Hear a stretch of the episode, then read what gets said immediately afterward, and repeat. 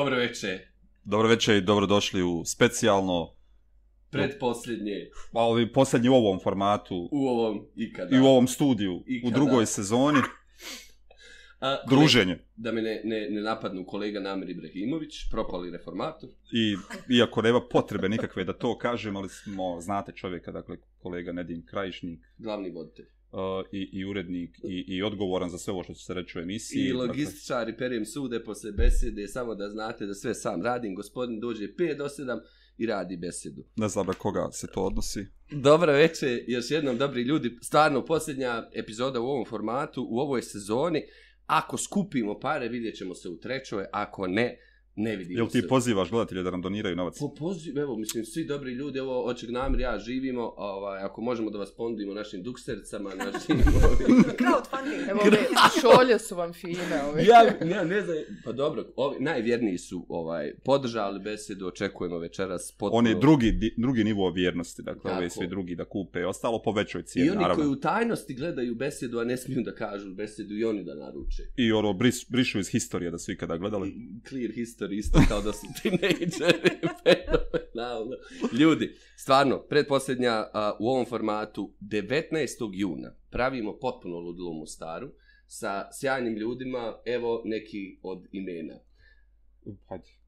Dolazi nam drugar Dejan Ilić iz Beograda, dolazi nam drugar Galeb Nikačević, Hasci Jare iz, iz Beograda. Obojicu ste gledali. Obojicu ste gledali. Besedama. Dolazi nam profesor Nerzog Čurak, dolazi profesor Emir Vajzović, dolazi profesor Mario Mario, Mario Hibert. Hibert, dolazi drug Jasmin Hasanović, um, dolazi nam a, Upravni odbor Stepa. kompletan. upravni odbor Stepa, Ivana Zečević, Namir kao predsjednik upravnog odbora, a, dolazi nam Larisa Halilović, a, Jasna dolaze- Kovačević. Jasna Kovačević, profesorica, dolaze mnogi dobri ljudi da proslavimo kraj sezone. Plus, a, ono, rok škola u Tako, Mostaru, domaćini. nastavnici. A nas su ovdje. ne, pa, Hvala. Okej, ali okej. Hvala. Pokvarili ste nam, htjeli smo Ok. da usred emisije kao da vas pozovemo, da to proslavimo. Gotovo. Nije, nije. Nije, nije, šuti, šuti, šuti. Da ne odugovlačimo, uglavnom potpuno ludlo 19. juna, pozivamo i nastavnike, odgajatelje, učitelje, profesore iz, iz Hercegovačko-Neretonskog kantona da nam se pridruže uživo, bit će ograničeni broj mjesta, više informacija narednih I dana. ono što je važno, nikada na, nas dvojicu manje nećete gledati nego tog dana. Tako. Finale beseda nigdje mene namira. Super. E, hajde sad da, stvarno smo neozbiljni. Ja, čitavu dobro večer, imamo dvije gošće večeras, Nedime. Tako je. E, hajde da krenemo, pošto je Sandra bila, hajde da krenemo od drugarice Dženane. Dženana, hvala ti odca što si izdvojila vrijeme da, da nam dođeš, dugo pokušavamo da napravimo ovaj moment da nam se pridružiš. Dobri ljudi, Dženana Šabić Hamidović. Dobro Prije izgovorio. svega hvala za to drugarica. Jugo komunistička Tuzla živi. I hvala vam puno što ste me pozvali. Meni je pravo drago da sam tu s vama. To. D- vi ste naši, mislim, diplom, diplomirani pedagog, psiholog. Jesam, da. Mhm. A, nešto čim se bavite posljednje vrijeme je porodična sistemska terapija. Da završavam ove godine u oktobru. Jesam Možda. reći, hoće biti neko diplomiranje, nešto... će- Pa eto, ako uspijem odmah da završim evropsku licencu, yes, To. zovem vas. Evo odmah o besplatna reklama, platit će poslije, ovaj, prijavite se na terapiju, ali možete i kod Sandre na terapiju. Mi smo kod terapijski. Tako Da, je. da, Mi ja, ćemo- ko pa da, terapija. Da, da, da. No, I namjer ja moramo taj dio što Zvat ćemo pisat vas koji- Reflecting Team. E, može, Ima kritičke i prijatelj, nemojte. Ne. Ja sam, ja sam davno rekao, ja sam sve svoje traume pod tepih, I ja to isto. ogromno Isto. izgleda i ne mogu da bi dirnu. I ja isto, vjeru. Ozbi, Sve. ako se krenem suočavat, neću Tako je. ništa. Ne, to ne, ne. I ovo radi. ne. Prstom ću znam nekad, Kako ali... je dostavio dio, samo usisivaš ispod tepiha. To, to, to Tako usisa onog slona ogrom. Hvala ti, Dženana, još jednom. Hvala, Dženana. Pričamo o aktivizmu, o mentalnom zdravlju, o stvarnom aktivizmu mladi, o, o, o ovom što smo napravili vještačko oko čitave te vrlo važne priče, to dekonstruišemo večeras. A prije no što o tome krenemo pričati, pričamo o mentalnom zdravlju opet. A, Nešto potpuno drugačije. potpuno drugačije, nismo ove godine ni jednom. Sandra Muratović, a profesorica u drugoj gimnaziji, također diplomirani psiholog. Dobro nam došla Sandra, još jednom. Hvala, hvala na pozivu. I evo da vas pozovemo u Mostar, da ne ispadne da Yes! Dobre, dobre, uspjela smo. 19. juni nemate ništa. Imam svadbu. Uh, Znači, ne možeš nam doći. Eto, šta ću. Dobro, jedno spavanje manje, to ne Da. 60 maraka. Sad će i Sandra reći ima i ona neko Ne, ja obavez. 20 tog imam u Ljubuškom. Znači, usput ti, usput ti. Fenomenalno. jesam, Možeš kontam, odkazati sad, bilo neko bitan? ili- A rođak je. Rođak. Može rođaka 18. zvat. Mogu li Hoćeš ja da li- neku kompenzaciju napravim, tipa ja ću napraviti crowd, ovaj, crowdfunding za vašu treću sezonu, Dogovoreno. da se oduži. Znači, da ćemo je morat raditi. Pa dobro. Skupimo pare, morat. Sandra i ja ćemo onda Mi ćemo odraditi. odraditi. Šta treba recite? Fenomenalno. E, dosta. Možemo krenuti. Sad jednako su nam zamjerili, zamjerili da obično dajemo gostima prvo da progovore, pa onda mi pričamo. Sedam minuta smo se šalili. Idemo u kost. A, divan povod. Divan povod, Sandra Muratović i Maida Koso-Drljević izdali su knjigu Osnove psihologije. Tada. E, sada ide ovaj slavni uvod. Kaže sljedeće.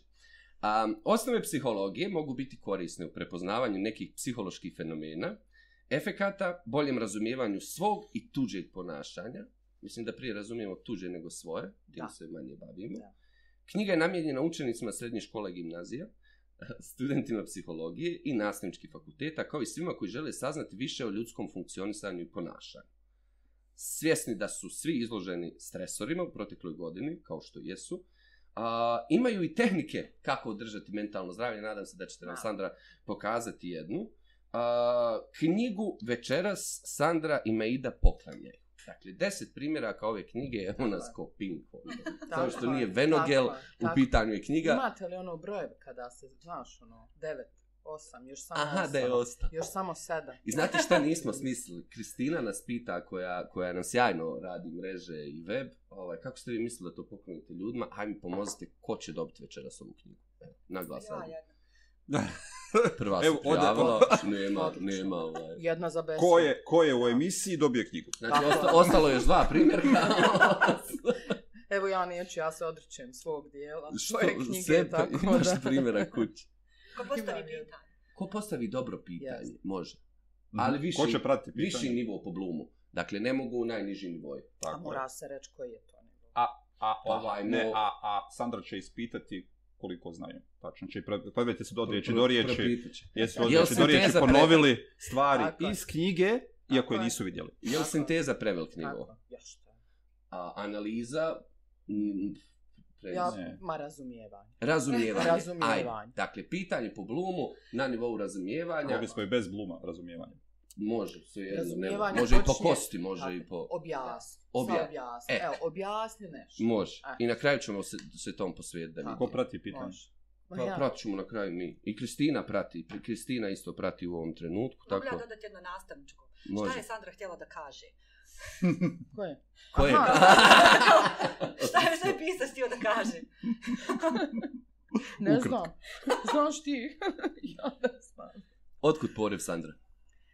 Um, otkud porive ovako? Znači, ovo će se namjeru svidjeti. Ovo ja mislim namjer ne znam. Dobro. Uh, 2016. kad sam ušla u kurikularnu reformu, pa negdje tamo otprilike januar, onako nije baš išlo kako sam ja nešto mislila i onda sam imala potrebu da nešto ja radim, da, da na neki Mhm. način sebe kompenziram ovaj, hajde da kažem, taj rad u kurikularnoj reformi i ovaj, počela sam onako pisat bez veze, onako kako sam mislila, znači ne knjigu, nego čisto tekstove vezane za psihologiju. Um, napravila sam neku pauzu, nešto je tu bilo napisano, onda ima ide isto. S Maidom sam pričala, nas dvije smo jako dobre prijateljice, to mi je najbolja prijateljica. Ovaj, I ona je isto rekla da bi rado to radila i nastavili smo zajedno. Znači, kurikularna reforma mi je bila motiv, Odlično. stvarno.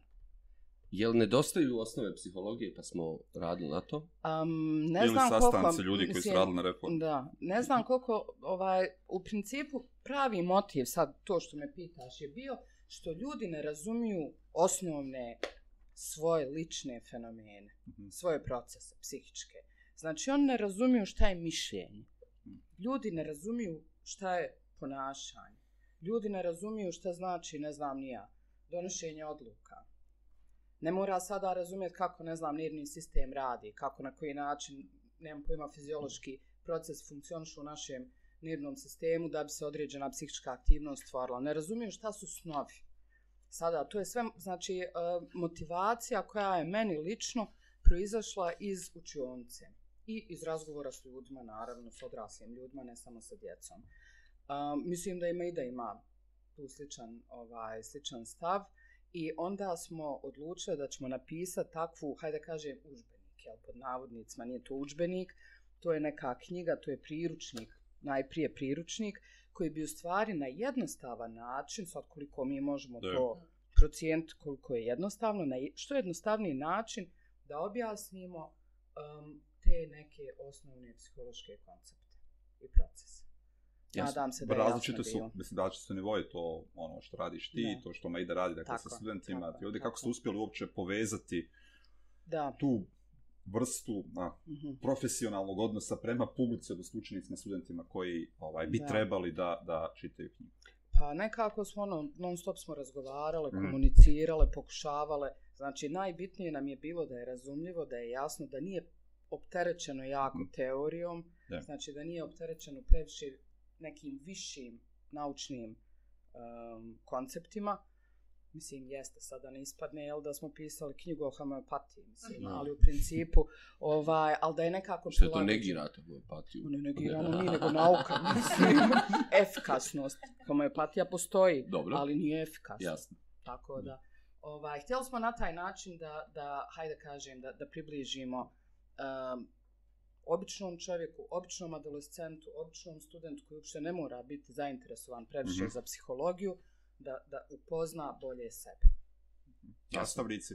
Nastavnici. Ja stvarno iskreno mislim da nastavnici svi u školama koji rade bi morali imati jedan vrlo, vrlo jak, intenzivan, kvalitetan trening. Ne mora biti, ne znam, na fakultetu, mm -hmm. kolegi, ali, ali trening iz uh, psihologije, čak i iz prepoznavanja um, problema u mentalnom zdravlju i neke tehnikice koje mogu on sami raditi, pa ne moraju biti psihoterapeuti. Da, naravno da ne moraju, svakom sači. Ma da. Um, evo možda pa čak u kontekstu reforme.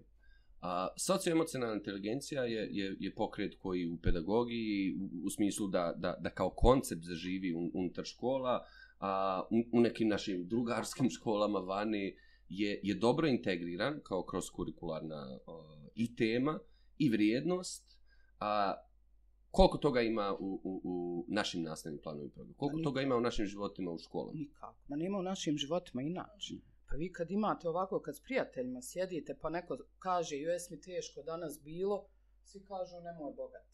Mislim, mi u, nemoj uoč, mi negative. Nemoj mi negative. E, De samo nešto da positive. veselo, nešto, neke živa glava i tako. Mi uopšte nemamo tu kulturu. Je li, to, je li to stvarno kultura? Pa ja mislim da je to stvar kulture. Mm. Ja mislim da je to stvar kulture. Jer je to nekako, ja ne znam, mm. isto ti što misliš, mislim. Ne, meni je to da, je, da, je, da nije individualno, da nije lokalno, regionalno vezano za škole, nego da je stvar kulture. Hm. Društvenog pojmanja, uopšte. Da.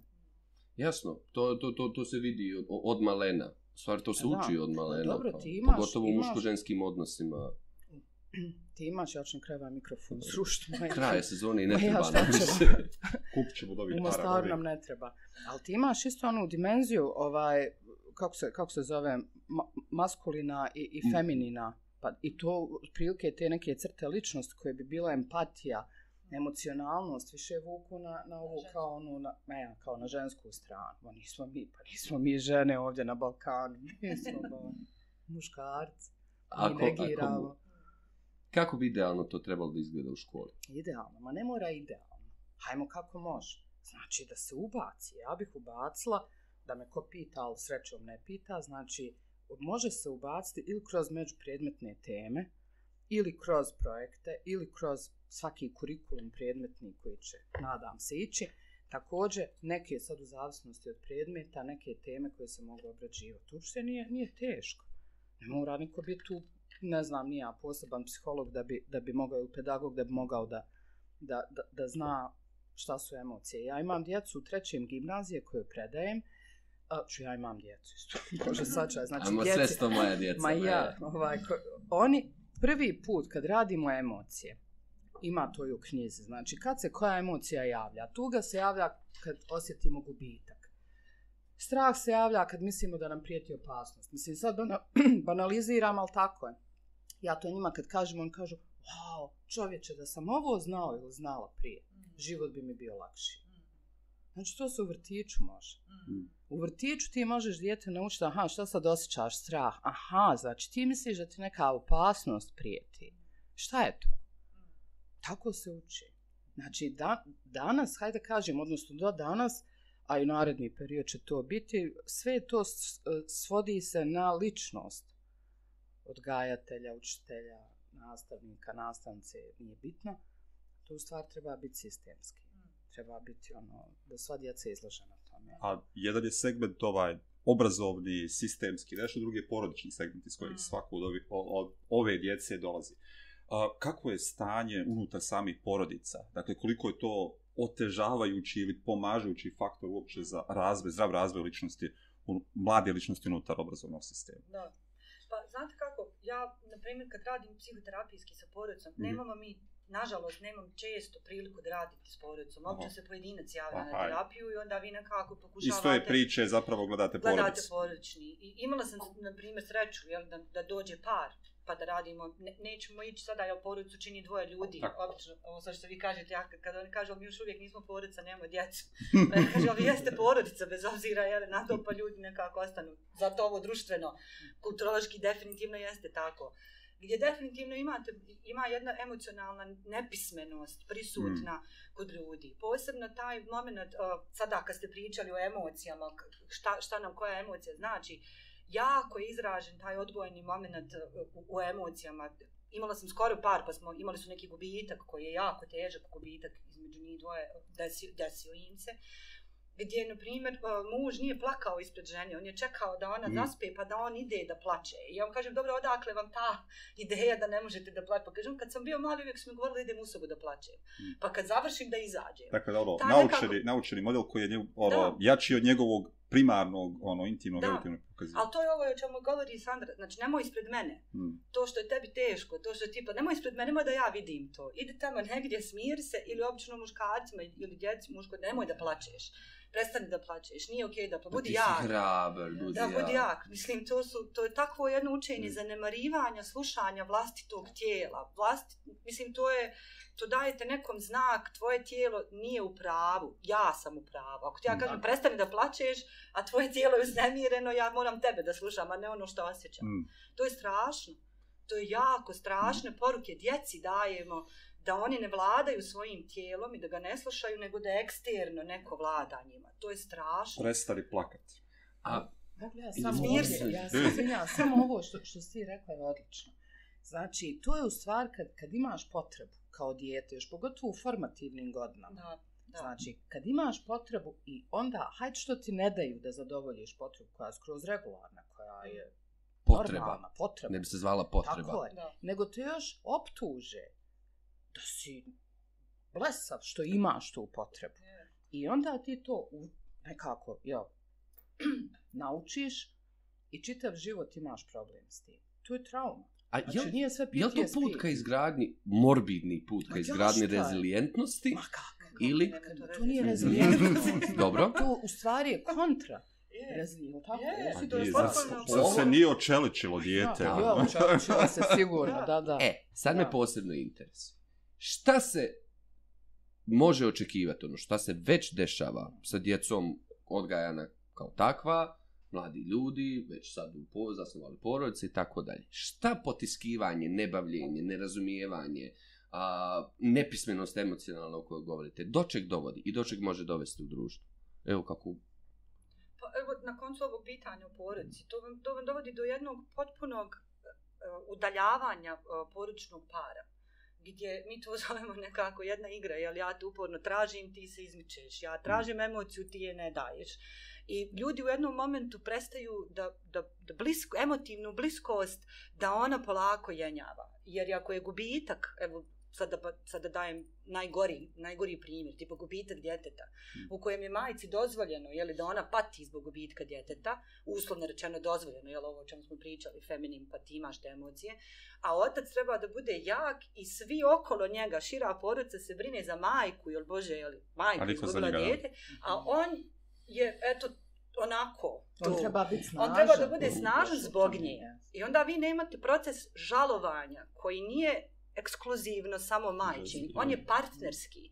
I ako nema zajedničkog procesa žalovanja, to dolazi do udaljavanja kako vi očekujete da ti ljudi ponovno rade Mm. na nekoj normalizaciji odnosa, na, na cijelom procesu tugovanja koji ima svoje faze u kojem da bi oni izašli zdravi, da kažemo, i kasnije ponovo dobili dijete i zdravo se prema njemu odnosili, je potpuno narušen. I vi onda imate potpuno jednu, jednu komunikaciju unutar porodice koja je potpuno de, znači nema balansa između nje. Meni nije dozvoljeno, tebi je dozvoljeno, što sad da ja radim? Mislim, sad ulazim u emotivno fokusiranu terapiju, ali to je Da, to. razumijem. E, Jeli, uvijek nekako Evo što meni sad kad, kad mi to govorite, dakle ono u, u konceptu samog razu, u takvim ekstremnim situacijama, koliko uopće par može da bez pomoći stručne osobe se izvuče iz takvog stava, u ovakvom društvu. Pa nažalost ljudi se, mislim, nažalost, lju- ljudi se izvuku, nije, Da. nije to point, ali, ali je, ali je, ali Mislim, ovo što bez neki malo prije kaže, ja, ja svoje guram pod tepih. Da, ja. I vi to gurate pod tepih. U porodičnoj terapiji postoji nešto mi kažemo životni ciklusi porodice. Isto kao što imate životni ciklus razvoja Ja, ličnosti i- kao pojedinca, tako imaju i životni ciklusi porodice. Sve ono što se ne rješava kao izazov u jednom ciklusu se prebacuje u sljedeći, pa u Mhm. sljedeći, pa u sljedeći. I onda obično čujete razveli se u 60. godini. Kaže, odjednom Pa se do 68 rašlo razvod u 60. Ali to Što vas dostigne. Danas što To vas, to vas dostigne, razumijete? Ljudi se udalje, ljudi postaju cimeri, udalje se ostaju tu zbog eventualno jel, Mm. djece ili nečega, eto, da ne bi, da ne bi ovo, da ne bi ono. I Jednostavno, da nemate zdrav, više nema zdravog odnosa. Onda imate manje benigne slučajeve gdje ne pričamo o gubitku djeteta, ali govorimo, ne znam, o razvodima u kojima ljudi emotivno ne mogu da se razdvoje kao partneri, pa onda to prenose na roditeljske uloge. Mm. I onda imate dijete koje je procesu razvoda instrument previranja između jednog i drugog partnera. I To je obično- vrlo važno, to je vrlo važno, pogotovo u kontekstu no, informacija koje dobijamo, a to je da u školama je sve više djece razvedenih roditelja. Ali to je ono što je problem, što vi imate poruku, evo i kao društvo, o čem smo pričali, ljudi koji se uzmu, jel, kao uđu neki partnerski odnos, i oni kad dobiju neku ulogu roditelja, oni samo se prebace i postanu roditelji. Znate, onda imate sad ove, mislim, dosta i parova nekih mladi koji su, na primjer, dolazili na konsultacije, na savjetovanja, gdje imate ljude koji osjećaju grižnju savjesti, malo dijete ostavljaju kuća, izađu njih dvoje na večeru. Kao, kako sad mi to, kao mama kaže, vi se nešto našli, izlazite, dijete va malo. Razumijete, ali to je Biće naš vrijeme i odnos. za to, ja. Da, nismo mi samo, nismo mi sad samo roditelji, mi smo i dalje partneri. Moramo imati dozvolu da ostanemo u partnerskom odnosu. Ako se prebacimo samo na roditeljski, onda je to logistika. Onda to više nije ljubavni partnerski odnos. Ali tu bi, tu bi edukacija, Da. ne mora formalna biti uopće edukacija, tu bi edukacija bila super. Da, a- Da se stalno razgovori ok da izađeš, mislim. Da. ono, jel? Sandra, ono što je važno, mislim, biti, mogli bismo govoriti o tom, ali evo mene zanima ono tvoje viđenje. Dakle, koliko uopće se govori o izgradnji i intimnih odnosa i bilo kakvih drugih socijalnih zajednica unutar obrazovnog sistema. Koliko mi zapravo tome posvećujemo pažnju. Dakle, da učimo djecu kako grade svoje odnose, socijalne veze. Ono. Gdje se, gdje Mm. učimo? Ja ne znam, ja u psihologiji to Ja sam, djecu da ja to ne moram izgovoriti. da, pa dobro, najlakše je tako. Lako je Ovaj, tako. Da. Ali zaista, mi, mi se uopšte ne bavimo tim Mm. stvarima. Znači, mi kao društvo, valjda, ne znam, u stvari ja ne znam je li to samo kod nas, vjerovatno nije kod nas, ali bavimo se isključivo akademskim Mm. sadržajima, nekim ono, dajem tablicu množenja, dajem teoriju, nije bitno socijalnog identiteta iz psihologije, nije bitno, daj mi nešto, to nauči, to usvoji, a kako će živjeti? To ono kad djeca kažu, brojim dana, evo ni danas mi ni sinus i kosinus nije trebao, mislim, sad ja na matematiku stvarno izvinjavam. Uvijek se spominjala matematiku kao najgori Uvijek, predmet, znam. je. Ono, kolegica Dženeta će da reaguje. Ja sam sigurna da će knjigu šta ne briga. Zanemarit će sve ovo, ja? Ali u principu nema toga. Oni kad završe školu, oni možda jesu sposobni za nauku, za studiranje, za, nemam pojma, za neke teorije, za, za ispitivanje, za istraživanja, ali zaista nisu baš ovaj spremni za taj neki normalni, socijalni život, za te soft skills, što bi se reklo, ono, komunikacija, pa vidimo to sve. A šta njima školskim životu zapravo, gdje ih usmjeravamo? Kakav to budući život mi njima kroz odnos unutar samog obrazovnog sistema zapravo pokazuje? Znači, totalno psihopatski. Mm. Znači, zaista psihopatski, zato što sve se svodi na ocjenu. Ocjena se dobiva bez kriterija. Mislim, ne da nema nastavnih kriterija, ali nema vanjskih kriterija koji su svima vidljivi, tipa ishodi učenja, pa da imaš kriterije, pa da znaš, aha, trebam ovo, ovo rad za tricu, ovo za peticu, i da nema tu, znači, sad popuštanja, evo ti manja ili veća ocjena, ovaj, bore se isključivo za to, nema ništa drugo, ne znam, pogotovo ova godina prošla, ova Mm, pandemija. posebna ili priča, znači, ovo je da. posebna da, priča. Ima, ima, ima još jedan, još jedan nivo, ono malo prije, ovaj, ka, ka, kad sam vas pitao, aj sad, čuvamo se, ovo stoti put izgovaram, u prvoj i drugoj sezoni, kad god kažemo da je nešto kulturološki, to, to zna da bude triki. A, ali evo, um, iz kulture je nešto nastalo, odnos prema djeci, poruke koje im šaljemo, vrlo jasne poruke koje im šaljemo, šta očekujemo od djece, kako da se ponašaju, kako da se nose sa svijetom. A, a pit, pritom se dešava da imamo potpuno emocionalno nezrele generacije. U kontekstu sad pojedinca, da li, da li, je, da li su sad izljevi nasilja, a, anksioznost, a, šta već, posljedice takvog odnosa koji proizilazi iz ove, ajmo Šta se dešava? Evo ovako, ti znači svoje dijete, hajmo opet na tom nekom prvo porodičnom, pa onda i obrazovnom nivou. Ti svoje dijete uh, pokušavaš da zaštitiš od svega. To je jedna ljudska potreba. Međutim, u jednom trenutku to dijete treba da nauči malo da zguli koljeno, da se razumijemo. I da zna sama, aha, zgulio sam koljeno više ili manje, trebam li ići kući ili ne trebam.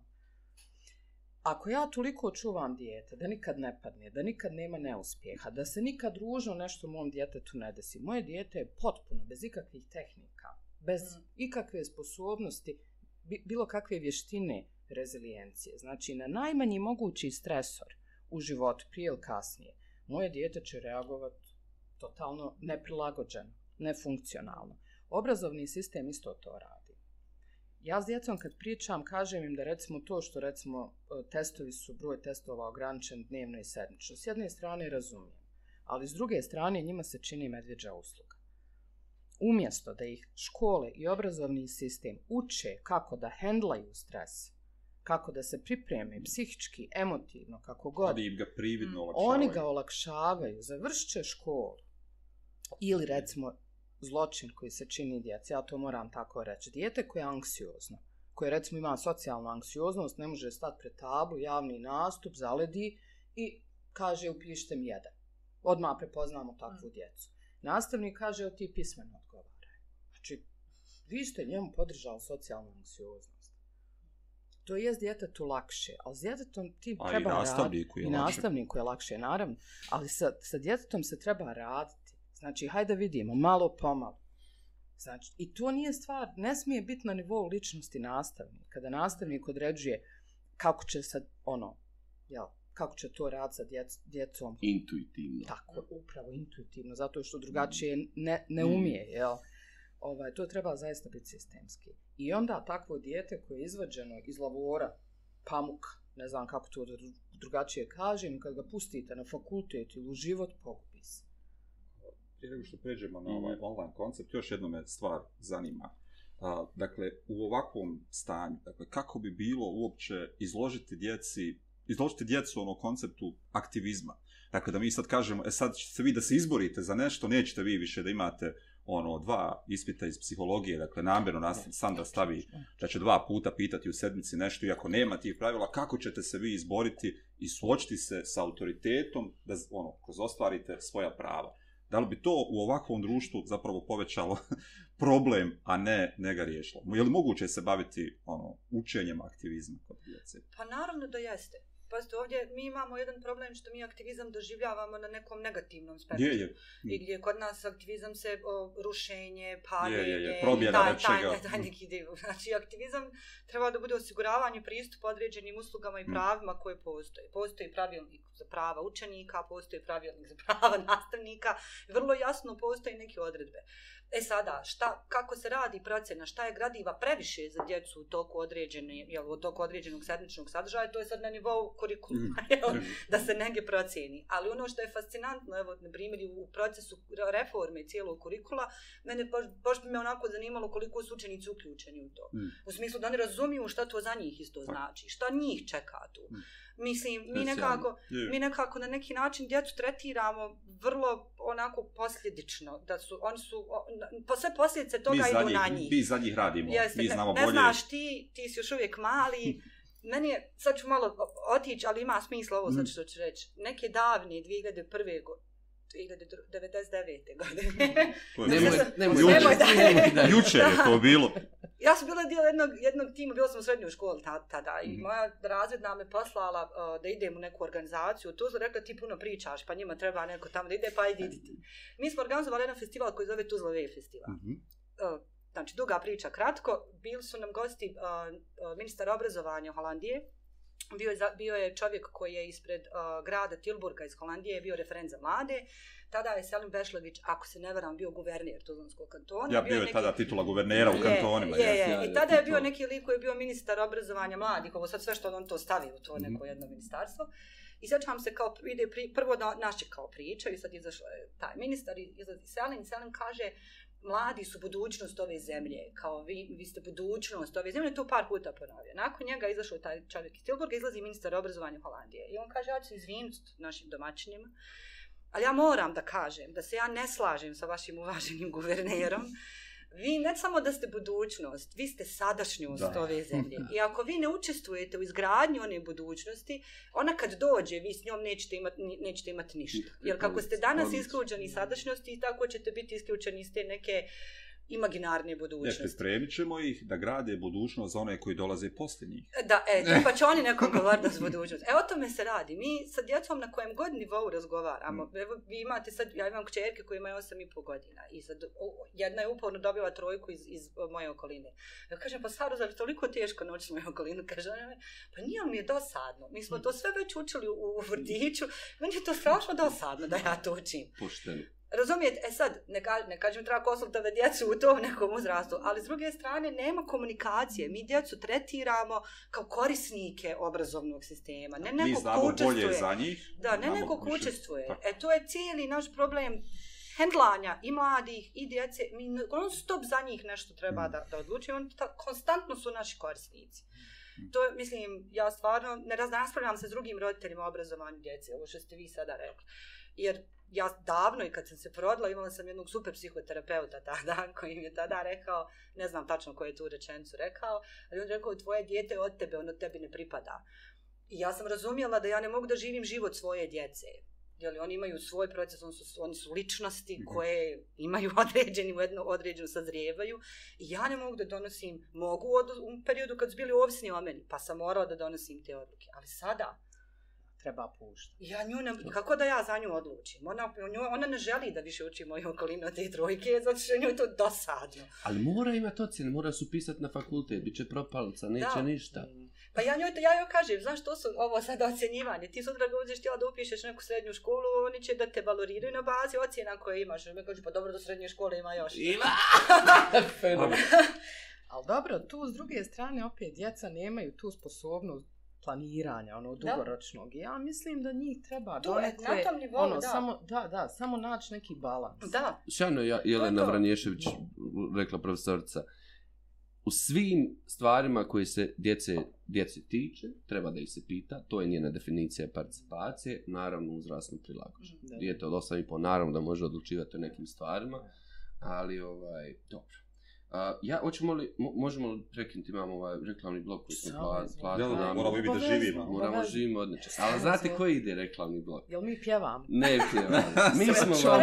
Mi zaista želimo da zaradimo novac. A, ne ide ta reklama, Nećete ne ide ova komercijalna, ide druga koju smo platili. A, na, na, na ovom TV-u se vrti jedna fenomenalna stvar. Um, pokrenuli smo 110%, to je neka ono polukampanja. Uh, to mi, mi sebe tapšemo po ramenu. Sjećam se, naša pokojna rada je uvijek završavala treninge, kaže, aj dignite ruke, svi dignu ruke, kaže, bravo ja, ajde da, te, da uvažimo. I nastavnici um, su iskreno pisali o svim kolegama, kolegicama, roditelji su pisali o svojim nastavnicima, nastavnicama, da ne pominjem sad sve pod tim pojmom.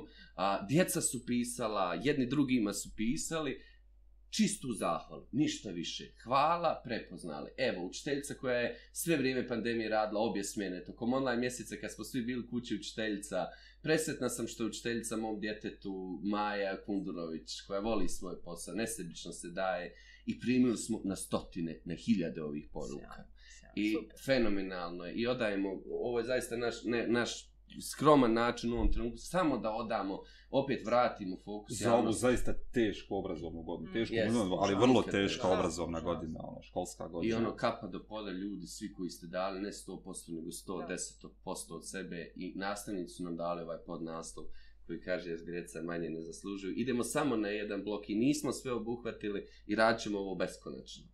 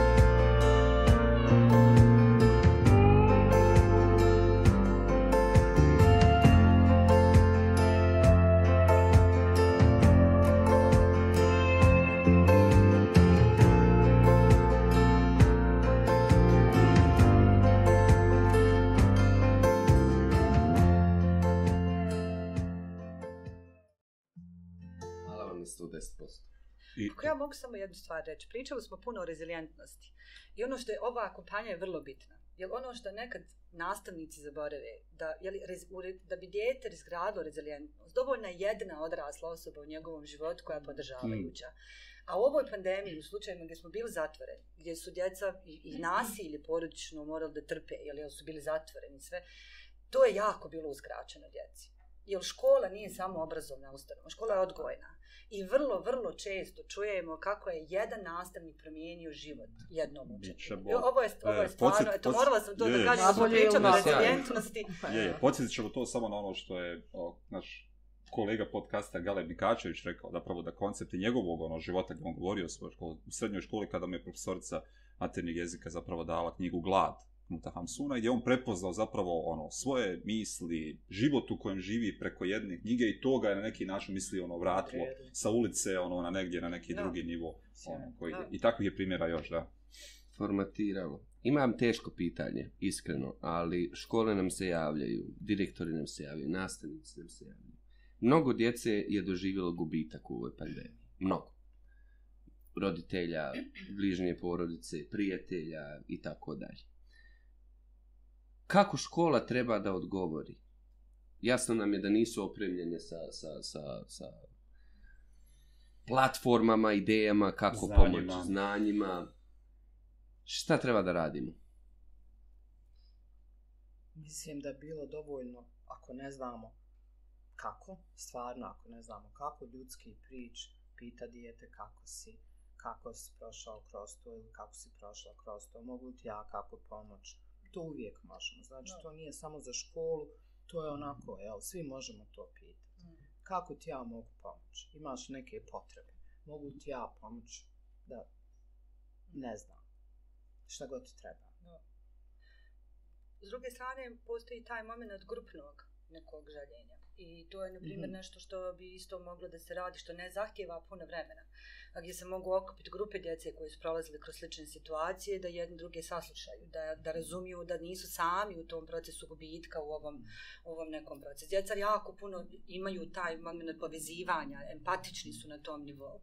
I ovo što kažete, nije to, ne zahtjeva to neku veliku stručnost. To je prostor za razgovor o onome što nam se desilo u ovome da mi se ponašamo kao da ovo, u ovome nismo svi skupa, kao da eto neko jeste, neko nije. Mi smo u ovome svi skupa. I onda djeci nekako, i sama bi škola rasla kroz to. Dajte im osjećaj zajedništva, sigurnog mjesta. I oni o tome mogu da razgovaraju, da razumiju da ima druga ara koji su mm. prolazili kroz iste stvari. Povezuju se na tom nivou. A to je jedan čas. 30 ne. minuta. Svakako nema tjelesnog, nema ovog časa, nema ovog. To, to, to, to je su... funkcija, isto, mislim, sad ovo nije poređenje i nije apsolutno banaliziranje, ali imaju sekcije. Da. Mislim, ne sekciju u tom smislu, da, da, da me se pogrešno ne shvati, ali ako se mo mogu sekcije literarna, nemam pojma, dramska, mm. psihološka sekcija, može se isto klub ili grupa ili ne mm. znam, nija. Ovaj, za podršku. Za podršku, da. da u svakom, u konkretnoj situaciji. Da. U svakom slučaju ne protjerivati tu temu iz, iz razloga, ne praviti se kao da se ne, ne, ne, ne, ne, ne, ne slučajno. Najgore na svijetu je ono šutiti i praviti se kao ništa se nije desilo. To je samo poruka djetetu da ono što osjeća nije normalno. Da, i nije važno. I nije važno, mm. jesno. Gubitak je jedan najveći vjerovatno problem je pandemija, međutim ono što je još pandemija dala je potpuna neizvjesnost mm. i nagla promjena u svim a, rutinama koje su imali i djeca i porodice i tako dalje. Dakle, šta ćemo mi učiniti da pokušamo pomoći ne sad samo djeci, nego generalno segmentima društva koji se, evo, ajde sad ćemo krenuti koncept, dotiče obrazovanja ili obrazovnog sistema kao tako. Znam da je lagano pitanje. Sjajno. Namir sjajno. Dajte još. Ja, mislim, ja mogu govoriti za aspekt onoga što vidim kad ljudi dođu u terapiju. Mm. To razvija jako velike frustracije. I sad imate različite reakcije na frustracije. Jel, od toga da je neko planirao u prošloj godini da završi nešto i to je potpuno propalo. Pa imate frustraciju na nivou ostvarivanja svojih planova koje su imali. Uh, to su, mi moramo da prepoznamo cijeli taj proces u kojem smo se našli jel, ono što je nekako porazno jeste da smo mi, da mi, bar ono što, ja sam radila u ovoj grupi za podršku starim ljudima tokom mm -hmm. pandemije, pa smo izvali na telefon. I jako, jako puno ljudi je govorilo ovo je ratno stanje. Mm -hmm. Mislim, to je, to izaziva dodatan jedan osjećaj PTSP-a koji je jako još dodatno usložava cijelu situaciju. Ja ne mislim da se treba pričati da smo bili u ratu. To je potpuno jedna druga, druga, druga dimenzija koja šalje potpuno pogrešne poruke. Ali ono, pamćenje koje imaju vjerovatno iz rata da, i situacijama u kojoj su se nalazi. Emotivni je, je, je, je. To o čem ste vi da, da, da. ljudi ne znaju da, razlikovati da, da, da. Da, da sada mi nešto prijeti ili da. da se osjećam tako. I jako puno ljudi su naučili, mi smo jako brzo živjeli prije pandemije. Život je bio užasno brz. Život je bio, ljudi su nekako ekspanzija, sad da ne kažem bogatstvo, ali ljudi su, bilo je nekako otvoreno. Puno ljudi je moglo da putuje, ljudi su mm. mogli da žive, da planiraju neke stvari koje od jednom pandemiji, bez obzira na status, bez obzira na sve, više ne možeš. Mm. I onda je to jedna frustracija dodatna koja se javlja, koja se kod ljudi javlja. Mi to o tome moramo da razgovaramo. S druge strane, kako početi? Počinjemo kao i sa svakim situacijama u kojima nešto nismo mogli, pa sad nešto možemo. Polako. Mm. Pokušamo da planiramo ono što je u bliskoj nekoj budućnosti. A ne kao do sad pa su ljudi planirali ljetovanje u, u martu za avgust mjesec. Pandemija nam je rekla da nekako moramo se vratiti ovdje i danas. Da nekako to predaleko planiranje, evo, negdje to ne kontrolišemo znači to osvještavati o tome šta za nas znači uopšte takva vrsta planiranja. Da li pretjerano, predaleko planiranje nam oduzima boravak u ovom momentu u kojem smo danas. Mi smo zaboravili uživati u onome što je sad, danas, u malim stvarima. Jako, vi ste pričali isto o mladima, o tim stvarima. Danas mladi ljudi ne uživaju u svojim uspjesima i onome što dobiju sad, danas, nego ga kao ček. I, ne, i, ne, I onda ste gladni više, mm. više, više. Ne možete zadovoljiti unutrašnju potrebu za nečim, jer vam, u, svega vam nije dosta. Mm. Djeca danas žive Instagram. Misle da je to život. Znate, znači, ta, ta neizvjesnost bi trebalo da bude na neki način dekonstruisana, da to nužno ne znači ništa toliko loše, Hmm. nego da samo znači da se saberemo, da budemo prisutni ovdje danas i da po, korak po korak planiramo neke stvari.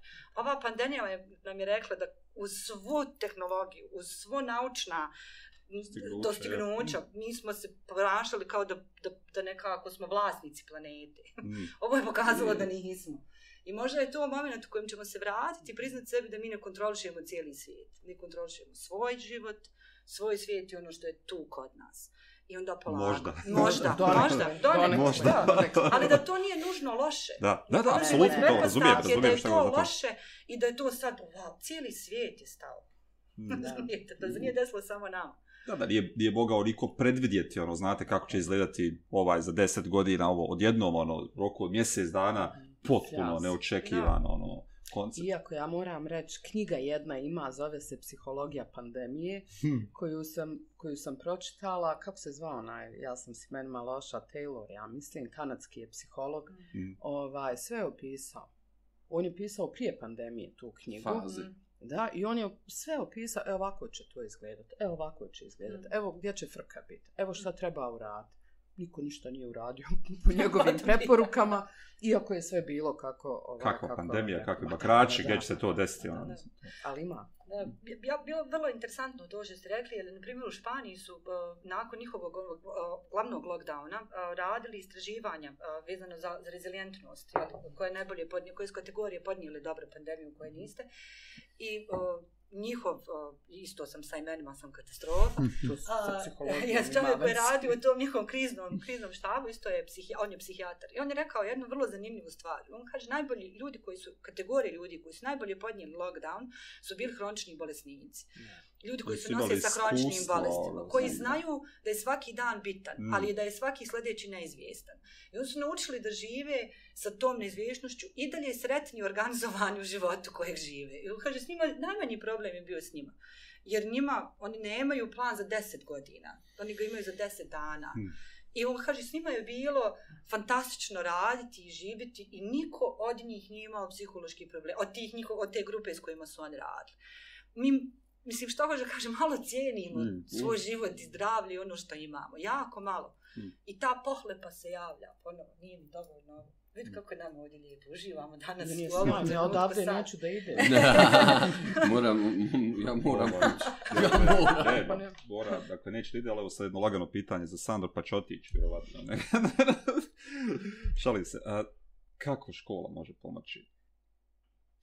Da se vratimo. Da se okrenemo kao ovome o čemu je Gerara govorila. Dakle, u konceptu ono drugačijeg odnosa odgoja prema djece, u konceptu razumijevanja stvari, zašto dijete neke stvari uči i kako to što uči zapravo može da koristi u svojoj svakodnevnici. Pa možda čak i uloga škole sad ka, ka, ka roditeljima. Je li to dužnost škole sada?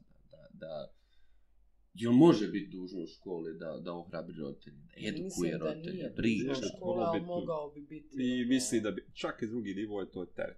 Dakle, koncept je, to je ogroman broj. I Ne staro možemo mi pitanje je- educirati i pomoć djeci kako treba. Da, da, da, A to je kamoli zapravo i ono priva- Da, da, Da. dakle stvari, ono Znači što da se škola javlja kao izdvojena oaza. Ne, ali se zapravo mogu uključiti roditelji u Da, rad tako je. ono nastavnika sa E, djecom, da. dakle to Da, je to, to može. Pa ja mislim da prvo treba stvarno vratiti djece, djecu u školu. Trebalo to to je- davno. No, tu je davno trebalo. Sve je trebalo drugo stati djeca Ne djeca da budu dva mjeseca u kući zatvorena, to znači, to je strašno, strašno Mm. nešto što se desilo.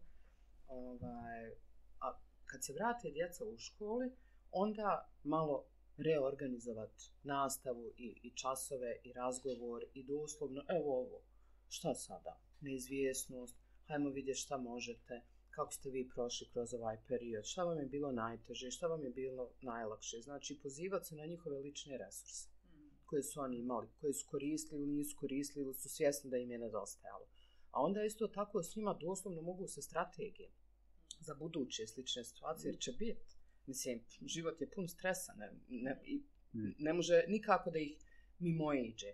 Znači, šta bi ti uradio sad? Da opet pandemija bude, šta bi sad drugačije uradio? Znači, to njih onda tjera da oni razmišljaju, da prvo evaluiraju svoj odnos prema pandemiji u proteklom periodu, da, da, da nađu šta im je valjalo, šta im nije valjalo, a onda šta bi mogli drugačije, kako da iskoriste to, kako. Ja vjerujem da bi to djeca mogla sjajno uraditi. Mm. Da ne govorim, Fenomenalno. da ne govorim da bi, da bi mogli zaista, evo roditelji se uključiti, ima jako puno roditelja koji imaju psihološko, pedagoško, sociološko, Mm. filozofsko, književno, kako god hoćeš, ne moraš biti psihoterapeut. Zašto moraš Mm. biti psihoterapeut da bi govorio o stresu? Mm. Mislim, možeš iz svog iskustva, možeš pročitati pet članaka pa ćeš znati. Jel, neke stvari. Ali iskustvo je potpuno legitimno. Tako je, i sa djecom otvoreno priča. I super je, znači, djecu uvijek šokira kada odrasli kažu kako mi je bilo teško. Mm. Znači, djeca kažu, ču majke, Mhm. stvarno, te je bilo teško. Mm. Mi ne govorimo da nam je nešto teško, kao mi to sve nekako lako radimo. Pred djecom. se- Pred djecom. Mhm, I to je opet ono povezano, da, Da. ih kao ne opteretimo. Nešto u stvari Da. mi njih nećemo opteretiti, mi ćemo njih naučiti Da. da je okej, da ti je teško, ali da sve jedno moraš ići u školu, da sve jedno moraš Ne, vježbati ne. za test i tako I učiti boju okolinu. I učiti moju okolinu za večerac. Ali mislim da se to može. Na kraju krajeva iskoristiti resurse po školama, pedagoge, psihologe, pedagoge, psihologe. Mislim, ono, Mm. Jel, sve, sve moguće dostupne kolege i kolegice, da se osmisli neki projektić koji ne mora biti uopšte komplikovan, složeni, može se krenuti. E, Pedagozi, izvin, Ja. Ne, htjela sam sad kaži da ovo idealno, ovo je sjajna stvar. S druge strane, mi imamo druge institucije koje po svojim planovima i programima imaju određene uh, planove edukacije u školama koje rade. Imate centri za, socijal, centri Mm. za mentalno zdravlje, ima policija koja radi svoje edukacije. Znate, oni svi dobiju od svog nadležnog ministarstva teme i on treba da radi u školama te teme i te edukacije koje trebaju da rade. To je jedan, to treba jedan organizovani sistem koordinirani u kojem vama policija kad dođe, valjda mogu da se dogovore na nivou ministarstava koje su potrebe u školama za teme, pa da ovi iz unutrašnjih poslova ne daju teme neke koje školama realno nisu potrebne. Mislim sad, ali kažem, mogu se koristiti resursi sistemski koji postoje, koji su nam na raspolaganju, koji svakako neko mora da uradi, ali da bude korisno. Da se svi nekako osjeti kad ispunite svoje obaveze da je to korisno. Tako hoćemo li se mi u septembru praviti ludi, ako ovo kao Naravno, pandemija apsolutno. bude malo jenjavala, hoćemo se praviti ludi kao idem u školu koji se ništa nije desilo, Da. koji je mo mo- mogući scenarij, evo možemo i kvote. Ja, ja pikam na to da se neće ništa dobro. Jedan desiti. deset pravimo se ludi. Pravimo Jer se se zapravo događa isto što se desilo prošle godine, juni je, 10. juni sutra, mi apsolutno nemamo ni jednu mogućnost, Mm. kamoli više njih, tome šta ćemo da radimo 1. septembra. Za 20 dana ljudi došli na odmore, vraćaju se oko 20. augusta i dakle 50 dana će neko dozvoliti, dakle nastavnici budu negdje odmore, posebno nakon ove teške godine, i da u desetak dana augusta se zapravo pripremi neizvjesna školska godina u kojoj mi zapravo ne znamo ni čak koliko djeca ne znaju, koliko djeci treba pomoć na raznim ono, određenim nivoima, nemamo plan kako bismo to nadoknadili, to ono naredni nivo, i vidjeli kako možemo generalno promijeniti ono sistem u odnosu na ovo što smo već što se je pokazalo da nam ne valja. Dakle, koje su nam, koje su nam stvari bitne. A gdje su tek vakcine? A to sada, Znači, da. gdje su vakcine za prosvetne U Bosni i? Hercegovini Ma vi nisu. provocirate Da. Sandra sada. Pa dobro, što da kažem ja. To je stvarno- Aktivizam. Evo, to mi je stvarno fascinantno. Ajde to, ja cijelo vrijeme pričam i o teškoćama u djeci. Mislim, nastavnici su prošli kroz jedan užasan period. Da, da, da. I da. s tim ljudima niko ne radi. Mislim, ni, nema supervizije. Oni imaju, oni su pretrpili gubitke. Tako Na isti način su morali da se brinu o svojoj porodici, pa vi imate nastavnika koji je online radio, isto tako dvoje djece kod kuće smo sjedli, pa je. isto radio to, online. to, to, ali mislim, razumijete, ovih 50 dana, naravno ljudima treba odmor i treba li sve, ali oni kad se vrati od augusta, ništa se novo njima Tako neće. Da isto kao da se vratili 2019. Mhm. Isti proces. Umjesto da ih kažete, možete li se vratiti dva dana malo prije tog 20. Da. augusta, napravit ćemo vam sistem supervizijski, razgovarat ćemo malo s Tako. vama o vašem iskustvu u pandemiji. Ja se baš pitam ko s njima priča.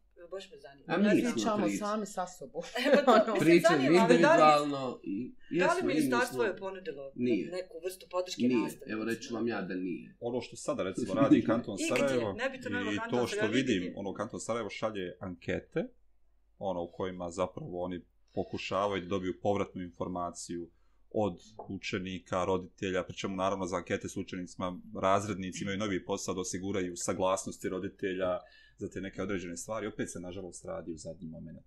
Dakle, Ne. to je ono što zapravo samo proizvede novi problem. Evo ja ću ne, pozvati, ne rješenje. pozvati ljude da se o, vrate na naše istraživanje koje smo radili sa Prometeom. Mislim da je vrlo važno da mnogo lekcija možemo izvući iz, nje, iz njega. Nakon pogled. prvog ovog dijela Prvi ciklusa, dakle, je. koji je rađen. prošle Prvo godine. ciklus od marta do juna, onda od, uh, od septembra do decembra obuhvatili smo negdje oko ukupno 18.000 jedinki, uključujući djece, roditelje i, i, i nastavnike.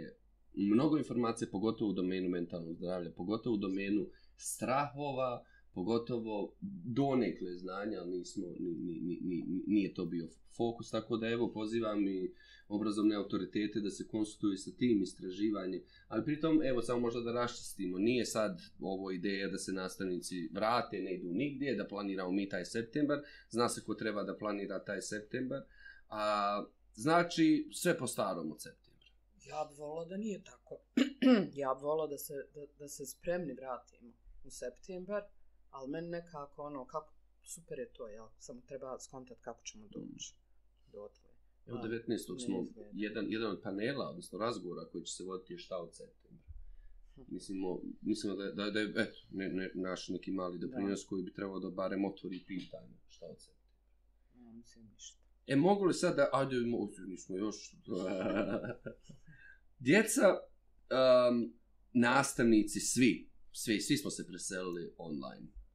Ne može biti zdravo nikako, evo, laički. Um, I u kontekstu sada komunikacije djece. Evo i sa kolegicama pričam u stvari da, da, da, da, da djeca sad, ja to razumijem, potrebna im je komunikacija, to im je prirodno, važna im je ta vršnjačka grupa, tu komunikaciju su preselili na, na različite alate koje, koje, koje, koje koristi.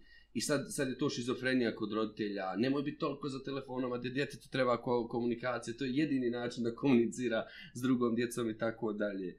Šta će iz ovog ludila sada da, da, da se desi? Kako i roditelji mi da se nosimo sa ovim online versus real life?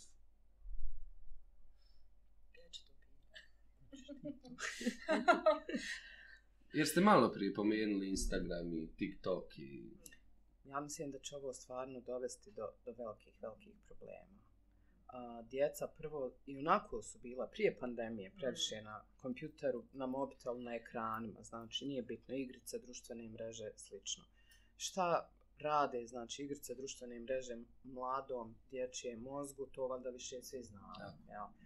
Ali onda se škola presela na online sistem, pri čemu taj online je onaj online koji bi trebao biti, nego je kao ono uživo, na, či uživo nastava, kao što je uživo, samo što je preko, preko ovaj Platforme interneta, ma neke. ja, preko neke platforme i djeca tu isključe kameru, isključe mikrofon i otvore novi brauzer i surfaju i dopisuju se s drugovima, drugaricama, šta ja znam, igraju igrice, znači non stop su u stvari na tome. Ja. Kad se završi škola, oni nastavljaju komunicirati i oni nemaju nikakvog drugog života nego to. Jel tako? Tako. Ja ne znam da, da djeca neka i to, ja vjerujem od prvog osnovne do četvrtog srednje. Mislim, možda negdje nije.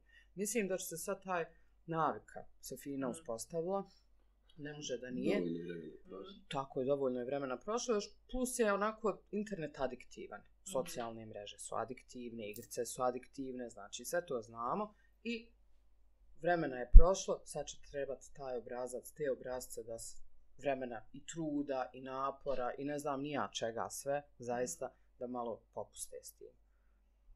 Ja recimo svog sina koji je osmi razred tjeram napolje svaki dan, uspijem ga istjerat svaki peti dan i uglavnom on sam prođe kroz grbavicu i vrati se za 20 minuta plafon.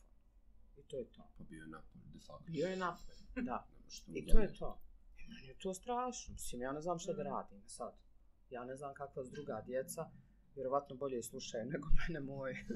ali, ali mislim da ćemo imati veliki problem. Da, i čak, čak ova motivacija za, za, za učenje, čak i kod onih koji smo, koji, u, ko, kod kojih nismo uspjeli ono sistemski da uništimo ovaj, znatiželju i volju za, za učenjem, potpuno su iskupili. Ništa. Potpuno. Ništa. Znači, nema šta, pogotovo što im je sve dostupno. Evo, odavde će prepisat, odande će prepisat. Malo će mu mama šapnut, malo će mu stariji brat šapnut. Što će ja učit? Svi petice dobijaju mislim, Čeboro, ja isto, diko, čini bi se od autoriteta obrazovni, oni koji se bave, nije izgovorio stvar. Dakle, naš obrazovni sistem nije prilagođen učenju daljinu. Ma kakvi, pa nije Dakle, uopšte, ovo je čisto Ne. pretvaranje, Ma ono, životarenje, održavanje obrazovnog sistema nekog smisla. Ali zaista efekti ovakvog rada su zasigurno mnogo gori nego u lošem obrazovnom sistemu u redovnim okolnostima. Dakle, to je, to je još poražavajuće. To je još Da. poražavajuće. Ovo može funkcionisati, recimo, ako se ja kao nastavnica razbolim i onda da ne bi djeca gubila časove taj dan, dok se škola ne snađe. je, privremeno. Evo, privremeno. Suplement. Hajmo, ma da, nešto, Mm. kao hajmo sad mi onako pričati. Ali ne zamjenjuje istranu, kao što piše na onim vitaminima. E, Ovo je suplement, odlično. ali ne zamjenjuje istranu. Nas. To ne zamjenjuje nas. Ljudi, mnogo je pitanja za, za taj septembar i već me plaši. Iskreno, mi smo ovdje do, do, do, do, dotekli samo jednu domenu. Da ne pričamo o znanjima, da ne pričamo o tome da se mi sučimo, da to djeca nisu naučila. Da imamo generacije koje sad gotovo, ovo, ovo, ovo gotovo ulazi u kategoriju trajne, trajne štete na, na, Mhm. na, na djecu. Znam s namjerom na nekom putovanju namišljali ideje, pa je namjer razgovarali s vidim što sad ovaj, to ponavljamo o, o, o, o nekim modusima ljetnih škola sad za djecu, pa da, da, um, da se svi udružimo, da, da, da, da probamo, da izvučemo onaj ne, neki Pa- crveni minimum. Pa prvo ovaj koncept, ono, da konačno od naredne školske godine, kako god da bilo, ukinemo prvo sedmični raspored časova. Dakle, to je ono koncept, idemo zajedno da se dogovorimo unutar škole, šta ćemo da radimo s djecom. Ne mora to biti samo psihologija ili, ili, ili ono, bosanski u nekom trenutku. Dakle, bit će zajedno i psihologija i bosanski kroz određeni sadržaj koji će biti važan da se razgovara onome što jeste stvarnost djece, a da se istovremeno provjeri i koliko su djeca propustila nekih znanja da im se nadoknade te sve stvari ali ne koliko poznajem ja ono, na obrazovne vlast, to će opet striktno biti ko je upisao, koji čas, kada je ko držao, koliko minuta, je li to prešlo, Je s plavom nije prošlo, crnom jeste, je li se držao čas. ono nastavnih jedinica iz Ali plana evo za da ne ispadne, da ne ispadne da, da, da, da mi kao kritikujemo Ma ne. Sistem. Ovo je vapaj, ljudi. Ovo, ovo, je- ovo je Da. baš krik jedan za, za, za djecu. Mi smo svi dio ovog sistema, različite nastavnike, načine. da. To smo mi, ono, mislim, unutar smo toga. I evo, postoji mnogo ljudi koji, koji su voljni promišljati. Ne znači da će opet biti neka dobra rješenja, da će i to što, što namislimo uspjeti, ali dajte da otvorimo to pitanje. Ni u jednom javnom prostoru ja nisam vidio pitanje šta od septembra. I, i, i to je već ono a, a priori por, poražavajuće. Ha, ali treba samo pozitivno, ništa Samo negativa. Sad da kaže, malo si ono, mi zacrnjačio. Think, think pozitiv, To ti po- kučka dođeš. pozitivno će ti se Svi vratiti. odmarni, sam se smiji. Kakva depresija, moraš se smijati. Pitanja, gledatelja, hoćemo knjige. hoćemo naravno, ajde da, da, da pozitivno podijelimo a, knjige. Jo, kad otvorim na telefon, dijete mi odmah na, na ovom pamet. Um, evo ovako, Šta kaže?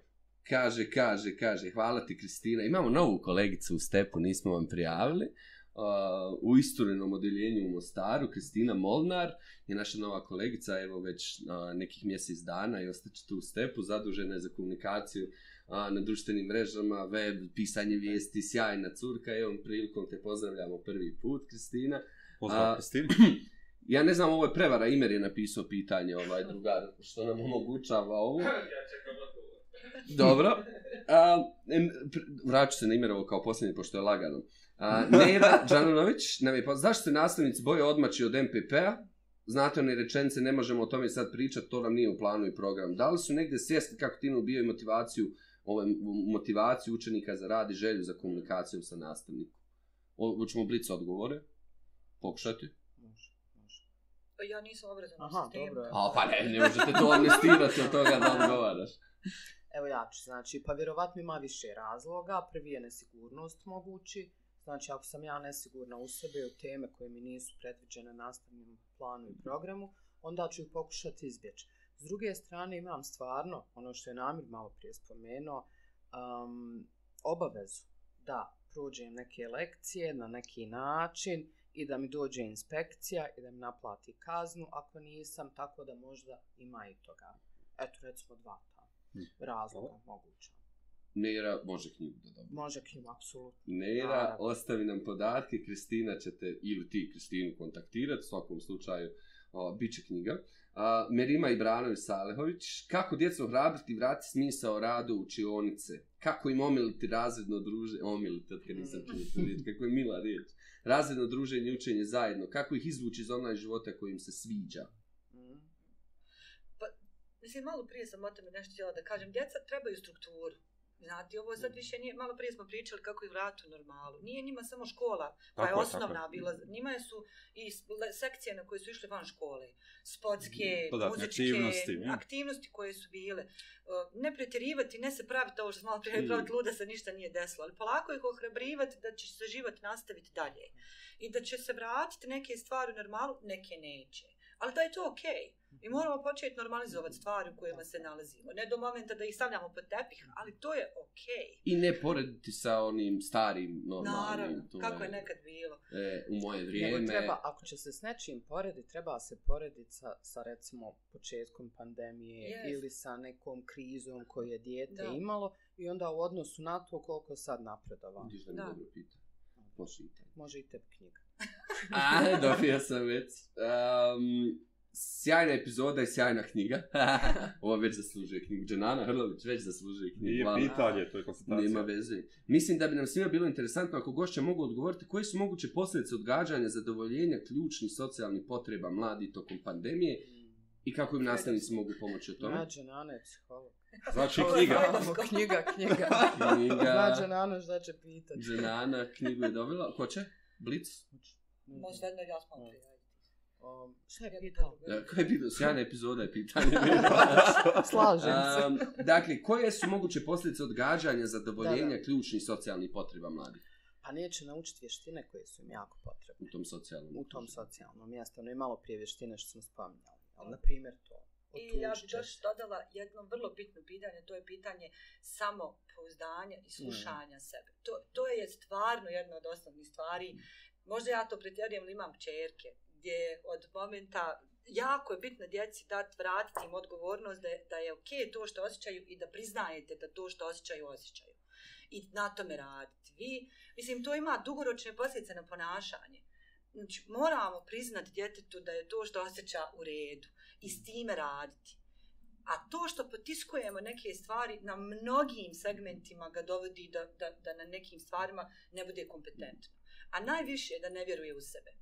A to može samo s drugom djecom. Da. Ovo, sada što se rekla, Da. znači to dolazi do izražaja kod djece sa drugom djecom. Oni su U kontaktu, da. Ne, Mi smo socijalna bića, moramo imati super s ovim kontakt. pitanjima i ovim Sjajno. blicom govorio. Um, da li su poteškoće u ličnom razvoju učenika posljedica neposvećenosti nastavnika, vlastitom ličnom razvoju?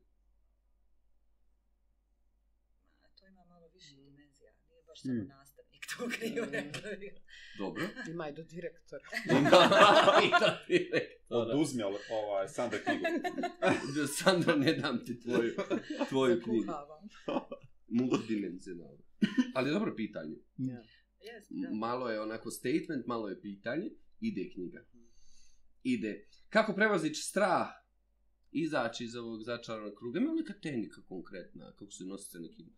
Ili to sad posebno, ili ja ovo Mislim malo da infantilno posebno, ali gledam? svaki put, znači vrlo sad općenito sa strahom se nosi tako što se suočavamo sa izvorom straha.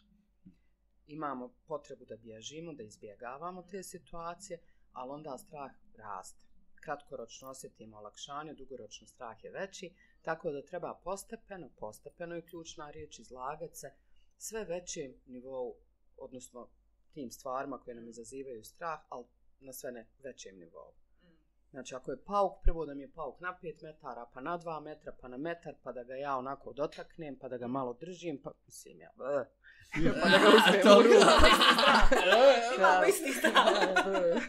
No, ja se sjajam sa, sa, sa paucima. Najbolje ovako javno reći koji ti je strah, odmah će ti pauc početi. Nemamo ovdje, imamo one, u ovoj kancelariji imamo one ogromne kokročove. to, toga mi nije strah. Um, pa, pazi ovo se, ne znam, ne znam da li da postavim Je li uopšte ime? ovo, Jeste. Da li je introjekt najmanja jedinica vrijednostnog sistema? Nije. Nije, pazi ovo. Um, sad bi trebao hodati po mrežama. Uh, da vas više, Super. ne, ušli smo ono, u, u, u već o, drugi sat besede. Uh, uglavnom, Kristina će se pobrinuti da, da, da naši dragi dobiju um, knjige na svojoj adresi. Hvala Sandra što si poklonila o, o, ove knjige na, Nema na našim čem, nema na čem. nastavnicima. To je, to je divno. Inače, Hvala vam. možete kupiti ljudi, ovi koji nisu stigli da, da, da, Postave da ih dobiju, postave pitanje. Možete kupiti u Bajboku i u Svjetlosti. Ovo je pošteno ovaj guranje ovih proizvoda. Mislim da je ovo pošteno raditi u besed. Ne guramo ono... Osim kad te plati. A nije, na Sandra plaća. Mi smo htjeli, onaj, meni je oko, oko, ne osjećam nikakvu moralnu dilemu oko ovog iskreno. Zašto bi uopće i Tako. neke stvari, vrlo korisno. Tako, vrlo korisna stvar. Ne znate dok ne pročitate. Morat ćete pročitati da E, viš koliko mi tebi vjerujemo sad. Imate li vi neki pitanja za namira i za mene? Kada dođemo 19. I gdje? 19. to pa, u Pavaroti centru, A. odnosno u saradnji sa Mostar Rock školom. I evo, stvarno veliko hvala čitavoj Mostar Rock školi i Pavaroti O, centru sjajno. ekipi koji, koji ne, od, ne odustaju od, od um, i od nas i pomažu nam mnogo i, i, i mi nešto ovaj, Mostar Rock školi. Ohaj, Atila, Boris, Marin, čitava ta ekipa koja potpuno ludilo dole u Mostaru radi.